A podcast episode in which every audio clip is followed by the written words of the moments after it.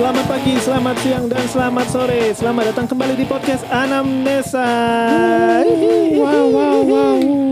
Dengan dua MC tercinta kita, Gilang dan Agung, kita dokter, pokoknya gitu. ya Ngomongin kesehatan. cepet banget sih. Kira-kira gitu. Ya, jangan Gak apa-apa, gitu, biar ini ngobrolnya langsung enak bertiga. Oh ya, karena kita hari ini ada kedatangan tamu ya, ya. kita kedatangan tamu spesial.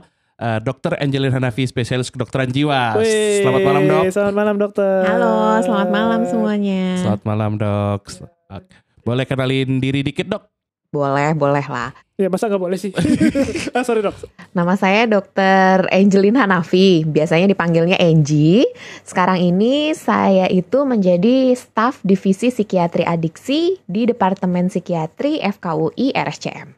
Wow, prestigious. Prestigious banget nih. Kok RSCM? Waduh. Terus eh, ini ada fun fact juga nih, we. Apa itu bang? bahwa Dokter Angie ternyata pendengar podcast Ramesa loh. Oh iya, wow. Hebat banget loh. ya, suatu kebanggaan. Suatu banggaan. Iya. Eh, mungkin Dokter Angie fans kali ya. Ya? Tapi mungkin mungkin sebenarnya dokter Enji ini ikut nanti pas kita selesai ini dokter Enji bilang kalian tuh ada sesuatu yang salah ini ada saran ya Enggak kok. follow pengen buat ngehujat aja kali.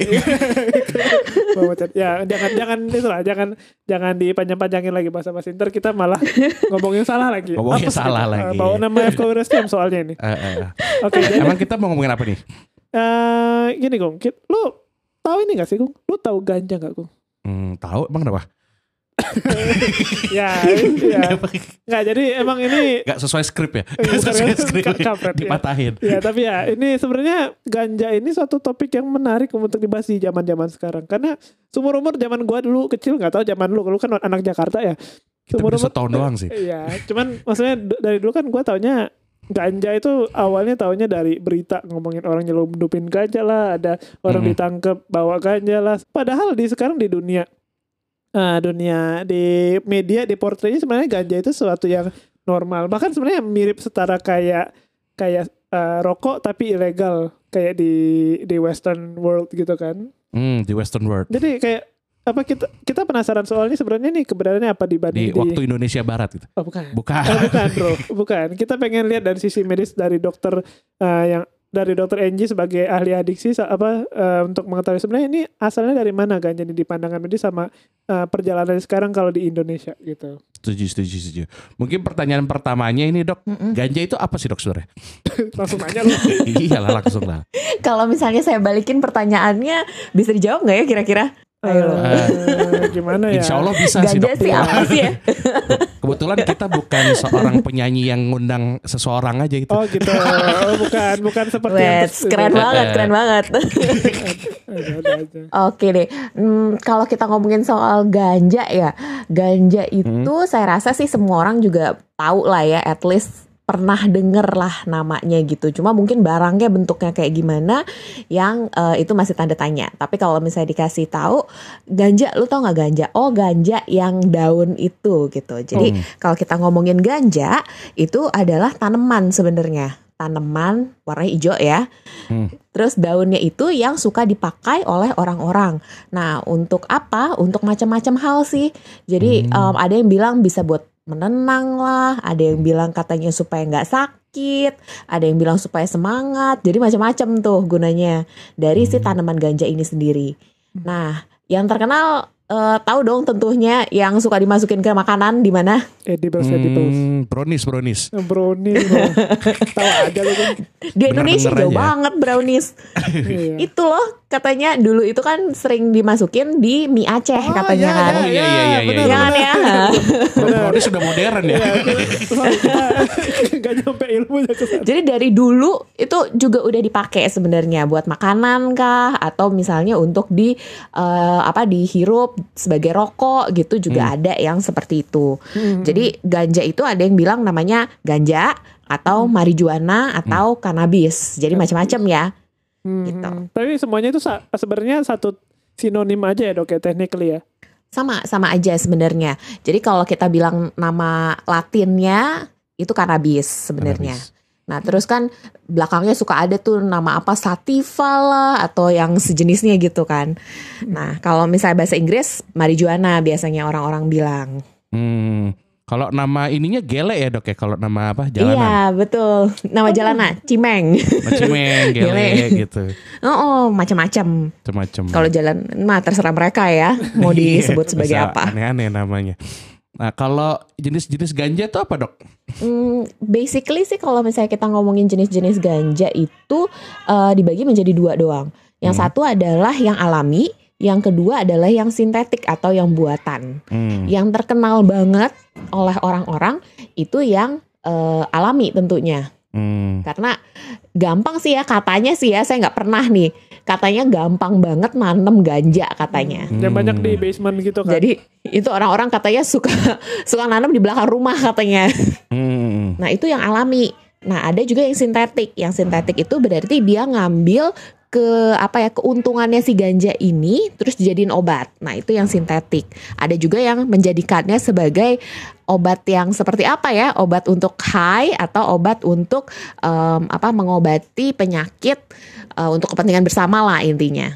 Untuk kepentingan, kepentingan bersama painkiller gitu ya dok ya kalau yang lebih ininya Hmm. Ya tergantung perspektif masing-masing sih sebenarnya. Kalau Iya, tergantung masing-masing ya. benar, kalau mencapai tujuannya ya itu dibilang obat. namanya. Betul Hmm. banget, betul banget. Tapi emang ini sharing dikit sih dok. Temen, Mm-mm. kalau saya kan kuliahnya di Jakarta. Cuman teman-teman saya yang kuliahnya di sebuah kota pelajar Sebuah kota pelajaran. itu Mm-mm. di kosannya memang katanya ada kosan yang nanam dok. Mm, mm, mm, mm. Ah, wow. nah itu kata, eh, apa katanya privilege anak kosan gitu. Jakarta kan nggak bisa katanya. Tetap, tetap. Mikir, jadi gitu. nanam, jadi ada kosan, ada kebun. Buk- nggak di kebun. Katanya kalau di kosan ada ini ya, apa pot-potnya pakai pot. Oh my god. Oh gitu, enak banget kos-kosannya ya. Di sebuah kota pelajar dok. Kalau Iya. saya sebutin lebih ini ntar dicari nih kota pelajar yang mana. Oh gawat, nanti digerebek nih jangan-jangan. Iya. jangan sampai, jangan sampai kita palsukan aja namanya. Eh, eh. Eh, sebut saja kota apa? Eh, apa ya Palangkaraya eh, gitu. Palangkaraya. Ya, tahu deh. Jadi ntar dipalsukan itu ya. Oke, Eh. jadi ini dok, apa memang? Jadi kan ada yang ada ganja natural, ada ganja yang Sintetik. sintetik. Cuman Mm-mm. technically itu biasanya dipakai buat apa aja sih dok? Apakah ada tuh ada fungsi medisnya atau emang purely untuk rekreasi. recreational gitu dok? Hmm. Kalau misalnya kita lihat dari sejarahnya ganja sendiri nih, eh, memang ganja pertama kali itu dipakai untuk keperluan medis sebenarnya. Jadi mereka Hmm. berpikir, oh ini tanaman bagus banget nih, bisa buat saya jadi lebih tenang, bisa sakit saya juga menghilang gitu ya.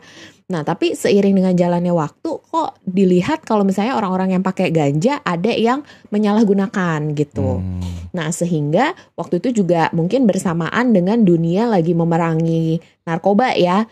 Jadi muncul tuh apa undang-undang yang eh, menyatakan kalau misalnya membawa ganja itu ilegal. Nah, semenjak Hmm. itulah obat eh obat lagi si ganja ini jadi ilegal. Nah, cuma kan namanya juga manusia ya pinter lah ya.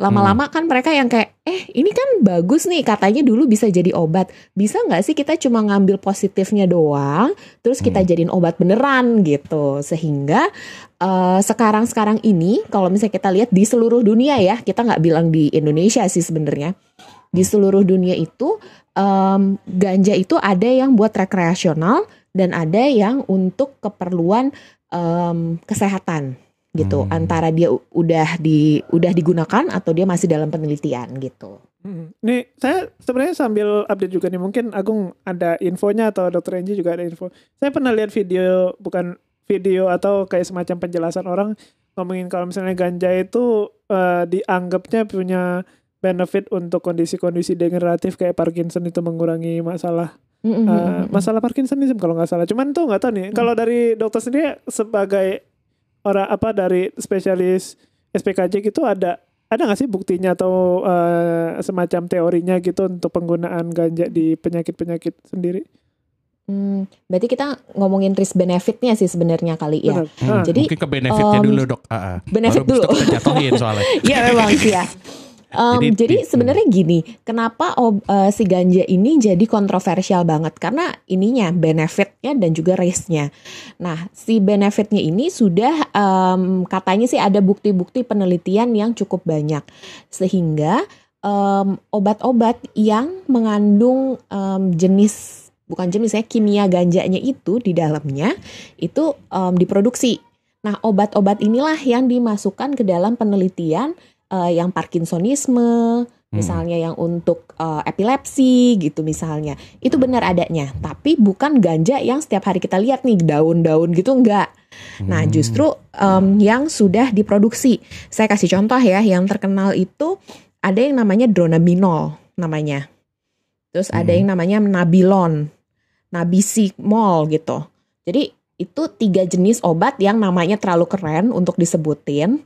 Tapi intinya adalah itu tiga obat itu eh, dibuat untuk penelitian Hmm. tadinya.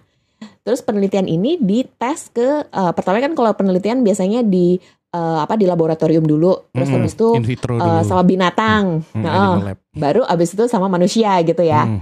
Nah, em, keefektifannya itu bahkan sekarang itu sudah dites sampai ke manusia sehingga mereka jadi menemukan kalau eh, si kanabinoid ini itu nama dari em, obat-obatan ini, Hmm. Mm-mm. namanya itu kanabino eh, kanabino sorry kanabidinol sorry kanabidiol. Nah itu Hmm. namanya kanabidiol atau saya pendekin aja CBD namanya. Hmm. Hmm. Nih, si CBD ini yang berasal dari ganja itu punya fungsi macam-macam. Yang udah ditemukan satu yang paling terkenal adalah untuk menghilangkan rasa mual. Terutama Uh. kalau orang-orang kanker gitu kan, pakai Hmm. kemoterapi. Biasanya mual kan. Hmm. Nah, katanya sih bagus nih untuk mual-mualnya orang-orang yang di kemoterapi. Oh, gitu. Nah, yang kedua, hmm, kan salah satu efek dari si ganja kan meningkatkan nafsu makan ya. Hmm. Jadi Oh, dipakai untuk orang-orang dengan HIV AIDS yang Hmm. eh, nafsu makannya rendah banget gitu. Penambah nafsu makan kayak vitamin kurkuma gitu ya. Iya, kurkuma plus. Iya kayak kurkuma gitu ya. vitamin nafsu makan. Jadi kalau ceking banget gitu ya. Bisa tuh kayaknya katanya. Wow. Nah, terus mm, kalau sakit, nah seperti kanker juga itu kan suka ada apa kayak chronic pain gitu ya. Chronic pain ya. Sakit yang Chronic cancer Oh. pain biasanya. betul. Nah, itu katanya kalau nggak efektif dengan obat-obatan apa pun yang sudah eh, diizinkan oleh badan eh, FDA, nah Hmm. itu bisa menggunakan jenis-jenis obat-obatan ini. Dan tadi Hmm. juga kan eh, sempat dikasih tahu kan ya sama Gilang tadi bisa untuk Parkinson Hmm. gitu, bisa untuk kejang itu juga bisa katanya.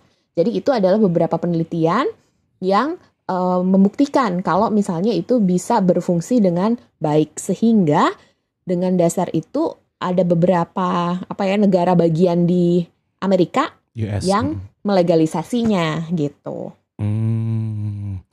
Betul, betul, betul. Tapi ini kan tadi benefitnya nih dari apa benefit apa suspected benefit ya. Jadi benefit yang di, di suspected benefit. ya, yang di yang di- Potensi. potensi. Iya. Sorry bahasa gua jelek. Potensi. Tapi bahayanya nih apa nih? Bahayanya ganja. Potensi bahayanya. Ya bisa dinaikin dijatuhin gitu ya. Iya, biar hancur keinjek-injek. Abis dinaikin dijatoin ya betul Iya. sekali. Jadi kalau misalnya yang pertama itu yang tadi kita bahas tentunya banyak dibicarakan oleh orang-orang yang ingin melegalisasi ganja ya. Hmm. Nah kalau misalnya yang saya akan sebutkan ini adalah orang yang kontra terhadap hal tersebut. Kenapa sih nggak boleh sih ganja? Nah tentunya karena banyak alasan. Satunya karena yang terkenal banget si ganja ini bisa bikin adiksi Hmm. atau kecanduan. Nah itu buktinya udah sangat eh, banyak. Jadi udah tinggi banget. Eh, dok, saya potong Heeh. dikit dok. Mm-mm, Ini boleh. sebenarnya info yang sering ditanyakan ke saya dan mungkin bisa langsung dijawab. Mm-mm, Katanya ganja itu, kalau kata orang awam, mm-mm. itu adalah eh, obat-obatan yang sebenarnya adiksinya paling kecil di antara obat lain. Itu katanya argumennya suka gitu dok. Emang benar nggak sih dok? Nah, mumpung ada dokter Enji. Sebenarnya mungkin kalau misalnya kita pikir secara logika tergantung ya cara pakainya gimana kali ya. Nah kalau misalnya kita ngerokok nih, ngerokok ganja, sama kayak kita ngerokok si rokok eh, apa tembakau gitu ya. Mm-mm. Berapa banyak sih yang kita bisa pakai dalam sehari? Itu kan eh, salah satu yang kita pertimbangkan juga berapa gram yang kita bisa pakai dalam sehari. Nah, sedangkan kalau obat-obatan lain yang misalnya kayak heroin gitu ya, itu kan bisa berapa gram dalam sehari dalam waktu cepat gitu kan. Mm-mm. Nah, Hmm. mungkin pertimbangan secara logikanya seperti itu. Capek juga ya ngerokok sepanjang hari gitu. Berapa banyak sih yang berapa ton yang kita pakai gitu. Mungkin Hmm. salah satu pemikirannya seperti itu ya kalau menurut saya. Nah, em, level adiksinya ini mungkin orangnya nggak berasa sih. Gitu. Jadi kayak kecil-kecil. Misalnya hari ini satu linting, dua besok dua linting. Dua linting itu kayak apa ya? Kayak rokok gitu kan? Eh, Hmm. tau lah di linting mah. Heeh. Nah, itu hitungannya. Bisa aja hari ini satu, Em, minggu ini, minggu depan dua gitu. Terus lama-lama jadi banyak. Lama-lama eh, yang saya pernah ketemu orang yang kecanduan itu pakai ganja biasa nggak berasa. Jadi dia harus pakai ganja sintetik namanya supaya Hmm. dia dapat sensasi high-nya ini. Hmm, gitu. Langsung senyawanya soalnya ya. Mm-mm, betul. Jadi ada orang yang sampai adiksi loh, sampai kayak gitu, gitu. Hmm. Jadi bukan soal seberapa adiksinya, tapi sebenarnya untuk punya potensi ad- punya efek samping adiksi aja itu udah bahaya. udah bahaya. Nggak Betul. perlu dipikirkan soal dianya ada Mm-mm. dianya pelan-pelan atau cepat-cepat itu nggak penting karena ujung-ujungnya akan sama Mm. kita akan jadi apa ya akan jadi nggak akan jadi hilang akal buat pakai obatnya dong. Betul. Nah, terus ada satu lagi hal yang menurut saya sih menarik. Em, penelitian menunjukkan kalau misalnya seseorang yang cuma adiksi ganja tunggal itu jarang. Jadi Hmm. biasanya ada pendampingnya gitu. Jadi Hmm. misalnya eh, ganja plus sabu, ganja plus heroin gitu misalnya. Jadi selalu ada eh, yang kita bilang eh, zat lain yang Hmm. menyertai si ganja sehingga pada akhirnya kecanduan yang kita bilang ke orang ini adalah kecanduan zat multiple. Jadi lebih dari Hmm. satu. Nah, itu yang sebenarnya ditakutkan juga.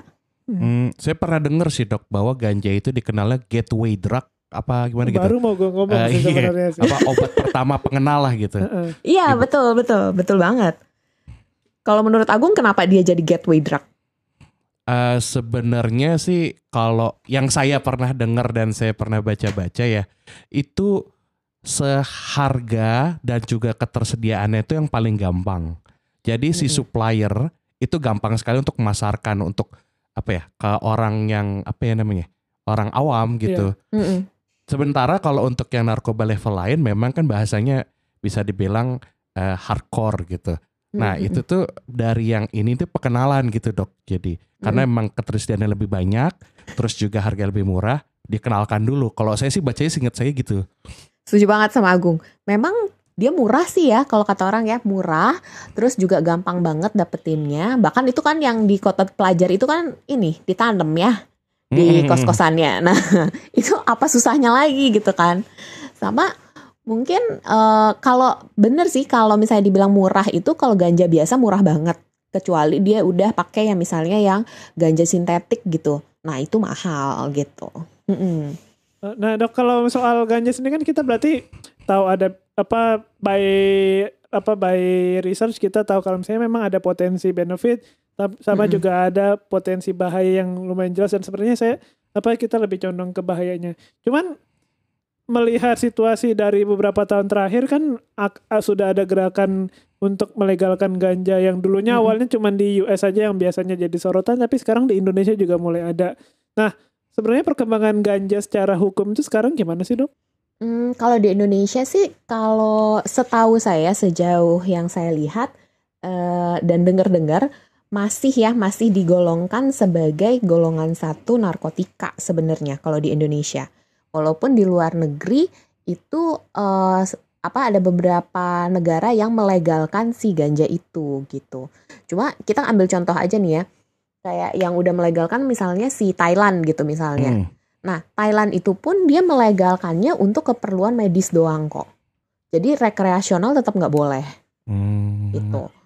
Em, beda halnya kalau misalnya kita ngomong eh, apa ya yang terkenal Belanda gitu. Nah, Belanda mungkin bisa dengan batasan-batasan tertentu ya gitu. Hmm. Tapi ya an- aneh anehnya itu ya, Dok. marijuana atau weed atau ganja itu sebenarnya kan kayak kata dokter tadi bentuknya ada yang sintetik, ada Mhm. yang eh, ada yang alami, maksudnya bentuk weednya gitu kan yang lembaran-lembaran kering. Mm-mm. Pad- eh, yang sering diportray di media kan sebenarnya yang tanaman tadi yang bentuknya daun dikeringin terus mm-mm. bentuknya masih masih bentuk bulat-bulat yang saya nggak ngerti juga tuh bentuknya gimana. Tapi ternyata hukumnya itu untuk dua material itu berbeda ya dok ya? Hmm? Atau sa- maksudnya sama sama. Enggak, cuman maksudnya kayak di Thailand, Thailand Oh eh, di Thailandnya iya Iya, beda. di- iya, di- Hmm. jadi maksudnya Mm-mm. ada treatment yang berbeda untuk hal itu karena yang belum ten- mungkin medis bisa dipakai, tapi Mm-mm. recreational itu ba- masih banyak yang against. Nah itu saya baca yang mungkin waktu itu saya share artikel ke dokter ya dok ya bahwa kandungannya yang di Indonesia itu beda ya sama yang di luar negeri ya. Hmm, sebenarnya sama-sama aja ya kalau misalnya Hmm. kita mau ngomong ya sebenarnya sama-sama aja Em, Hmm. pada saat kita ngomong yang sintetik atau bukan kita mesti hati-hati nih ini sintetik yang dibuat untuk keperluan dia menjadi high Hmm. atau sintetik yang dibuat untuk pengobatan gitu Oke. Nah, pada saat kita bilang sintetik cannabinoid yang untuk jadi high itu kita mengatakan sesuatu yang eh, dinamakan secara gaul namanya gorila tuh Gorilla. Hanoman. Gue baru Gak, gak pernah dengar ya Gak pernah Gorilla Hanoman. denger ya Anda belajar mulu ya sorry kayaknya. katro. WFH, work from home. Waduh, pergaulannya salah loh, salah ya. Itu 4 tahun yang lalu kok nggak salah. Ya nggak sih dok ya 4 tahun atau 5 tahun yang lalu. Itu salah. Terkenal banget itu dulu. Kalau si gorila ini memang dia itu eh, apa ya? Dia ngambil zat-zat yang bisa bikin si eh, ganja ini jadi bikin jadi high gitu. Hmm. Sedangkan kalau misalnya yang pengobatan dia justru ngambil eh, jenis kimianya yang beneficial, yang bagus gitu. Hmm.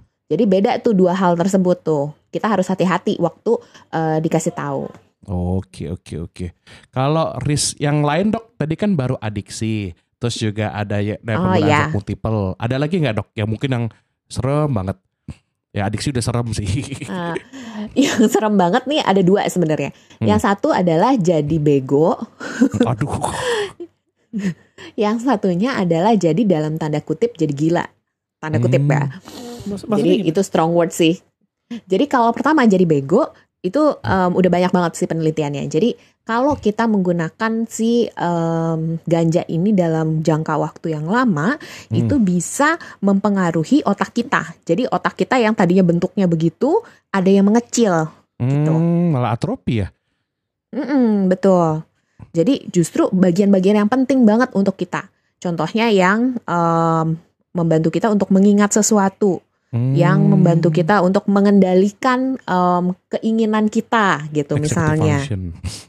Heeh, betul. Kalau bahasa Oh, kerennya executive function. ini. betul. Saya dimarahin Bu dosen kalau nggak tahu. Luar biasa Agung.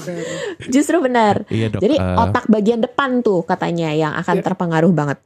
Jadi em, kalau secara kesimpulannya, jadi dia akan mempengaruhi bagian otak depan itu yang paling eh, akan berdampak gitu pada orang-orang yang memakai ganja dalam waktu lama gitu. Hmm. oke, Nah, cuma katanya ada yang reversible, ada yang gak reversible. Tentu Waduh. saja kalau dia itu udah mengecilkan otaknya, dia jadi eh, nggak bisa kembali lagi. Iya lah, Hmm. Tapi kalau misalnya dia cuma reseptor doang bisa. logikanya kalau kepalanya udah kecil ya mau digedein susah. apa? eh, Iya, pada susah ya. dasarnya- Iya pada dasarnya kan sel saraf itu kan untuk apa namanya regenerasi kan susah. Asik. Iya. Mm-mm. Mahasiswa tahu. Gue orang dulu mahasiswa iya.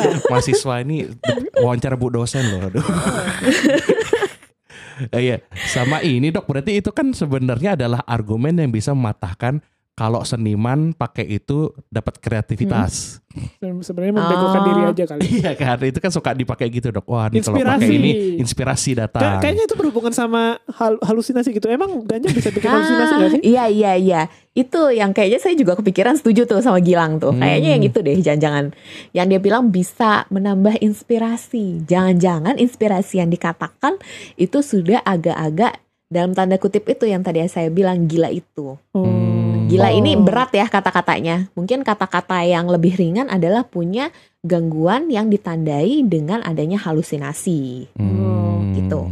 Jadi sebenarnya kalau misalnya pakai ganja terus tiba-tiba melihat apa tiba-tiba melihat pencerahan itu tandanya udah itu berarti udah danger level sebenarnya kan. Udah lumayan parah kayaknya. Berbahaya itu kayak hmm, kayaknya lu mesti meriksa deh.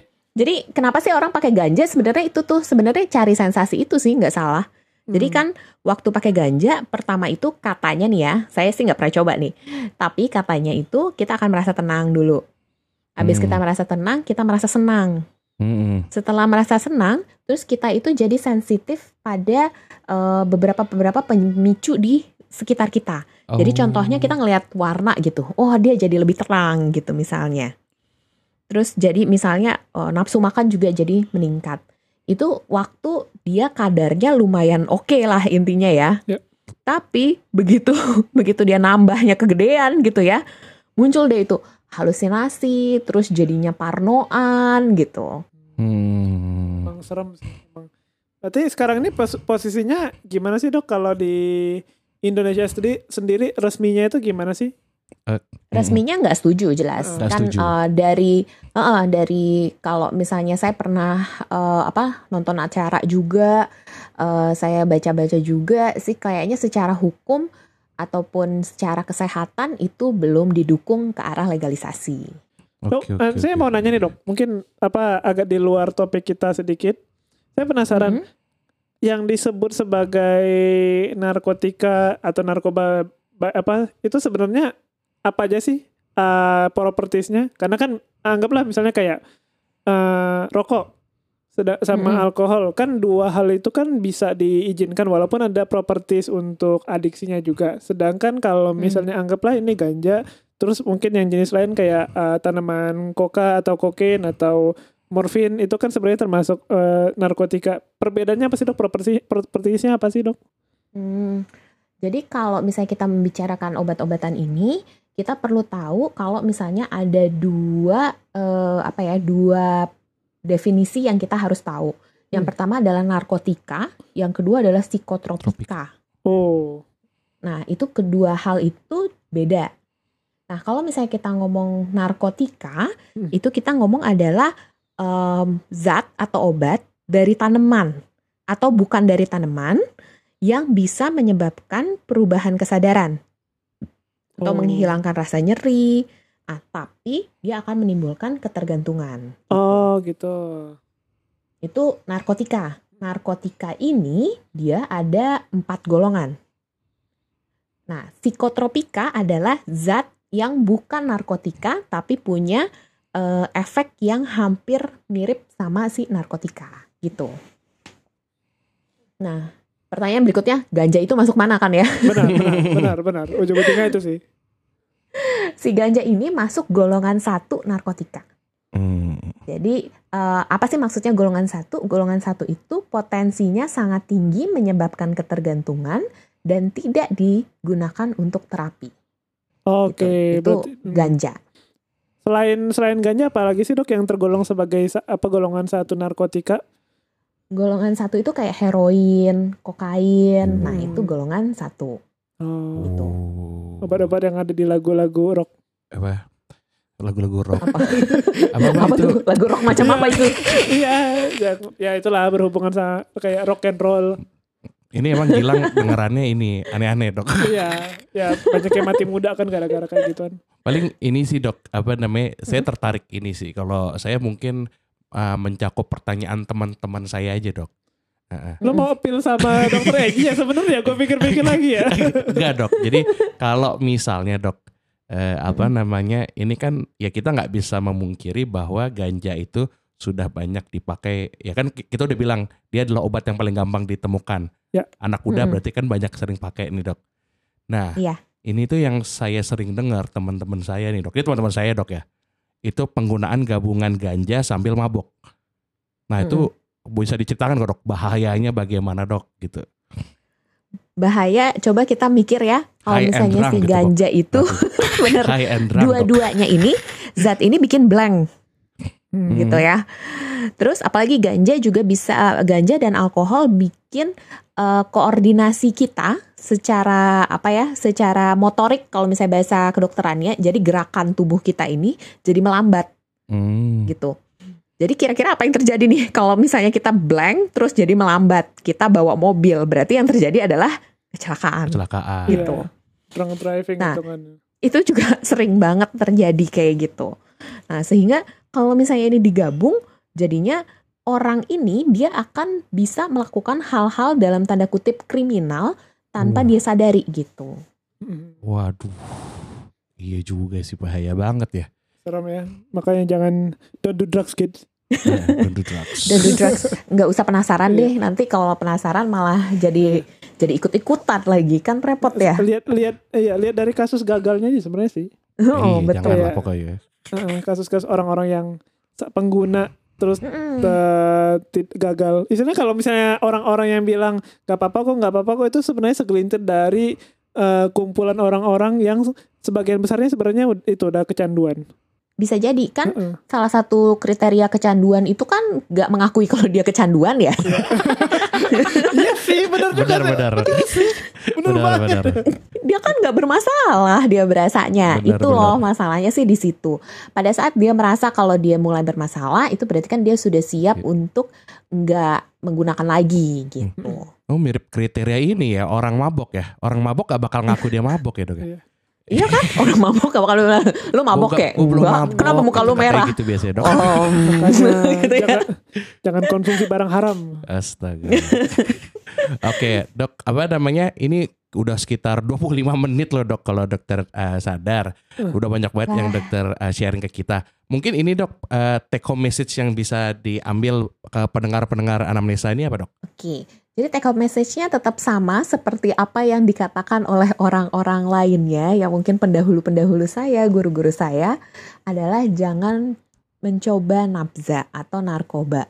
Karena Hmm. sekali mencoba, kita akan sulit untuk lepas dari narkoba itu sendiri. Mungkin tadinya coba na- ganja, lama-lama jadi coba sabu, lama-lama jadi ketergantungan dua-duanya. Hmm. Kalau bisa sih jangan dicoba sama sekali gitu deh. Oke Oke. oke oke. Make sense. Aduh, banyak banget sih dok ilmunya. Makasih banyak dok. Kira-kira ini dok apa namanya? em, ada yang mau dipromosiin nggak dok sebelum kita tutup nih? Heeh. Em, kalau dipromosin ada tentu saja.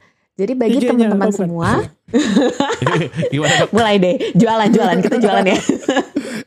Saya nggak jualan sih, saya cuma ingin mengajak teman-teman semua yang mungkin abis mendengarkan podcast ini jadi yang kayak "Em, iya juga ya, mungkin saya harus berhenti untuk make nafza gitu misalnya.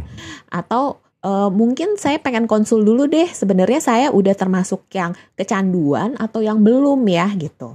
Nah, Hmm. bisa datang untuk ketemu saya misalnya atau juga dokter Kristiana Siste yang satu divisi dengan saya di divisi psikiatri adiksi di eh, klinik adiksi di RSCM Rumah Sakit Cipto Mangunkusumo gitu. Silahkan datang untuk eh, sekedar konsultasi atau mau berobat tentang masalah kecanduannya atau adiksi. Silahkan. Oke. Terima Makasih. Udah, udah, Ya. udah. Nah, terima kasih. Enggak, tapi bener banget pesannya gue setuju banget nih. Jadi apa kita juga sebagai sebagai orang yang sebagai dokter juga eh gue sama Agung pengen bilang kalau pendengar-pendengar sekalian kalau misalnya anda menggunakan jangan apa jangan malu mengakui masalah itu eh, awal dari memecahkan masalah. Jadi jangan takut kalau misalnya kalian ada di lokasi Jakarta bisa coba jangan malu untuk ke klinik adiksi RCM untuk ketemu sama dokter Angie atau dokter Siste ya. Iya ada dokter Betul. Angie sama dokter Siste Iya. di uh, klinik adiksi di RSCM Jangan malu bro. Rumah Sakit Cipto Mangunkusumo. Wih, Rumah Sakit Umum Pusat Nasional. Iya RSUPN. Ingat gua. Oke oke. Uh, dokter Angie terima kasih atas waktunya dok ya. Ini benar-benar banyak banget yang di sharing sama dokter Angie. Justru saya yang terima kasih banyak eh, ya untuk Agung, untuk Gilang. Terima kasih banyak dok. Iya.